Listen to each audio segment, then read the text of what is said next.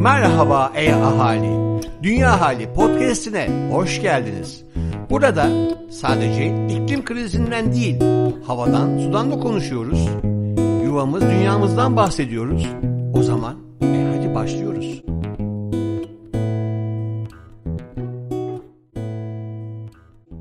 Selam Dünyalı. Ben Müjgan Suyaran Aral.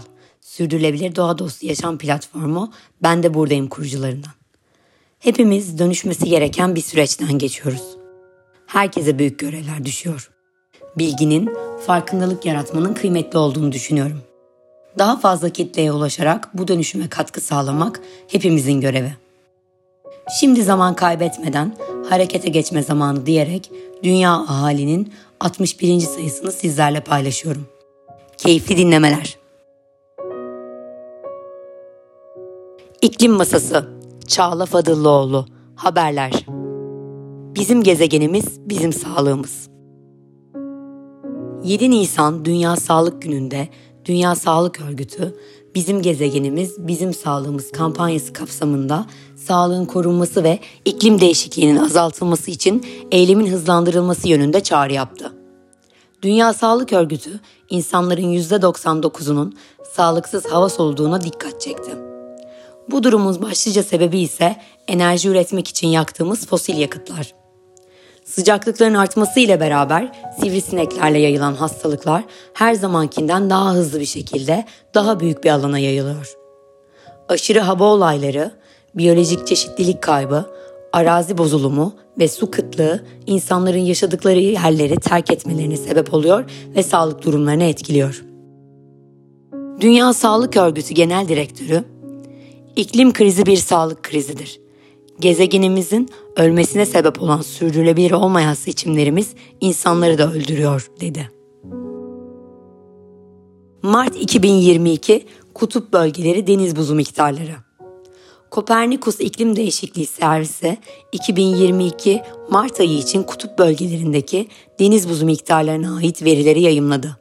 Uydu görüntülerine dayanan ölçümlere göre Antarktika deniz buzu Mart ayında 44 yılın en düşük ikinci düşük seviyesinde olarak kaydedildi. Rekor sıcaklıklara benzer şekilde buz seviyesi rekorlarının son 10 yılda gerçekleşmiş olması küresel ısınmayı bir kez daha gözler önüne seriyor. Arktika deniz buzu ise Mart ayında 14.7 milyon kilometre kare olarak 1991-2020 ortalamasının %3 altında ölçüldü. Bu miktar Mart ayında görülen 8. en düşük miktar.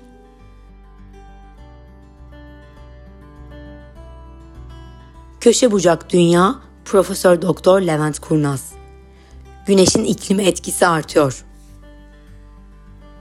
Dünyanın atmosferini ve dolayısıyla da iklimi etkileyen en önemli faktör güneştir. Güneşin yaydığı enerjide oluşabilecek değişiklikler dünyanın iklimini ciddi biçimde değiştirebilir. Bu nedenle gözümüzün güneşin üzerinde olması gayet doğaldır. Çünkü dünyadaki yaşam güneşe bağlıdır. Buradaki güzel haber ise güneşin gayet dengeli ve kararlı bir yıldız olmasıdır. Milyarlarca yıllık sürede güneş giderek parlaklığını arttırır ancak artış bizim günlük hayatımıza bir etkisi olamayacak kadar küçüktür. Güneşin insanlığa iki değişik yolla etkisi olabilir. Buzul çağları, güneş lekelerindeki değişiklikler. Dünyanın güneş etrafındaki yörüngesinde oluşan döngüsel değişiklikler, değişik mevsimlerde dünyaya ulaşan enerji miktarını değişir. Ve bu da buzul çağlarına yol açar. Buzul çağları genelde 80 bin sene sürer ve ardından en az 20 bin sene süren ılıman dönem gelir. Bu döngü en azından son 3 milyon senedir bu şekilde devam etmektedir. Dünyanın yörüngesine bağlı olarak şimdiki ılıman dönemin uzun süreceği ve bir sonraki buzul çağının bundan 50 bin sene sonra başlayacağı düşünülmektedir. Bunun ötesinde güneşin üzerinde çoğu zaman minik lekeler olur. Bu lekeler güneşin manyetik alanındaki değişimler sonucu oluşur ve M.Ö. 200 yılından beri insanlar tarafından gözlemlenmektedir. Güneş lekeleri arttığı zaman güneşten dünyaya gelen enerjinin miktarı artmakta, azaldığında da azalmaktadır. Geçmişte bu lekelerin hiç görünmediği uzun dönemler olmuştur. Güneş lekeleri 11 senelik bir döngü içerisinde azalıp çoğalırlar. Bazı dönemler bu lekelerin sayısı çok fazladır ama 5,5 sene sonra güneşte neredeyse hiç leke kalmaz. Güneş lekelerinin iklim üzerindeki etkisi iklimin kendi değişebilirliğinden öte bir sonuç doğurmaz. Yani bu lekeler hiç hesaba katılmasa da bir sene diğerinden daha sıcak ya da daha serin olabilir. Ancak güneş son 18 ayda kendisinden beklenmeyen bir biçimde aktifleşti. Peki bu iklim açısından ne anlama geliyor? Kısaca güneş aktif olup dünyaya daha fazla enerji gönderdiği dönemlerde yeryüzü hafifçe daha fazla ısınır. Tam tersi yeryüzü daha enerji aldığında da hafifçe serinler. 1980'den bu yana hafifçe serinleyen bir dönemden geçiyorduk. NASA ve bilim insanlarının son aylardaki gözlemleri ise Güneş'in bu sakin dönemi sonlandırıp daha aktif bir döneme başladığını gösteriyor. Yani Güneş'in desteğiyle biz küresel ısınmanın kötü etkilerinden nispeten korunuyorduk. Şimdi Güneş desteğini çekti ve yeryüzü artık iklim kriziyle baş başa kalıyor. Güneş lekelerinin 2025'te en fazla sayıya ulaşması bekleniyor. Bu da bizi çok daha sıcak yazlar bekliyor anlamına geliyor ne yazık ki. Yeşil Köşe Sürdürülebilir Binalar ve İklim Değişikliği Ahmet Acar Günümüzde binalar karbon ayak izi artışında diğer sektörlerin önüne geçmiş durumda.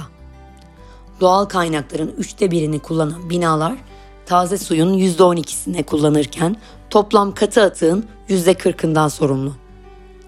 Yeşil binalar yapılı çevrenin insan sağlığı ve doğal çevre üzerindeki olumsuz etkilerini en aza indirecek şekilde tasarlanan ve işletilen binalar olarak tanımlanıyor.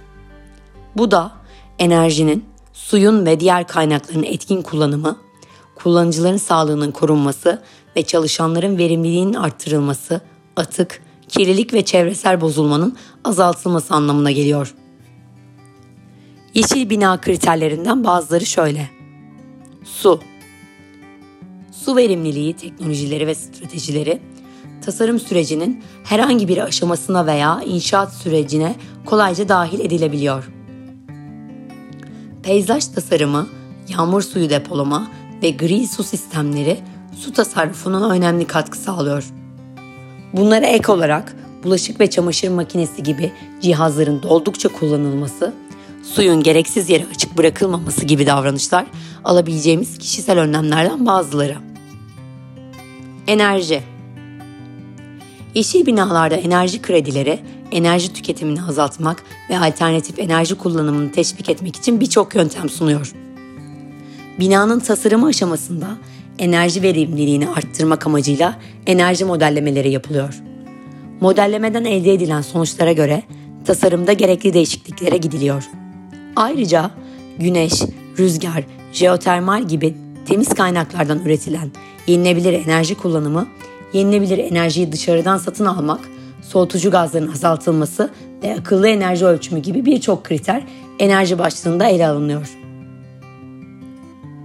Malzeme ve kaynaklar Yeşil bina uygulamalarında proje maliyetlerini azaltmak ve çevreye zararı en aza indirmek için mümkün olduğunca yerel ve geri dönüşümlü malzeme kullanılıyor. Ayrıca kullanılan malzemelerin çevreye duyarlı olduğu kadar bina kullanıcılarına da zararsız olması bekleniyor. İç hava kalitesi İnsanlar zamanlarının %90'ından fazlasını iç ortamlarda geçiriyor. Dolayısıyla bu ortamlardaki kirleticiler ortaya çıkabilecek kısa ve uzun vadeli sağlık etkileri açısından kritik rol oynuyor. Yeşil binalarda iç ortam kalitesi yakından takip ediliyor.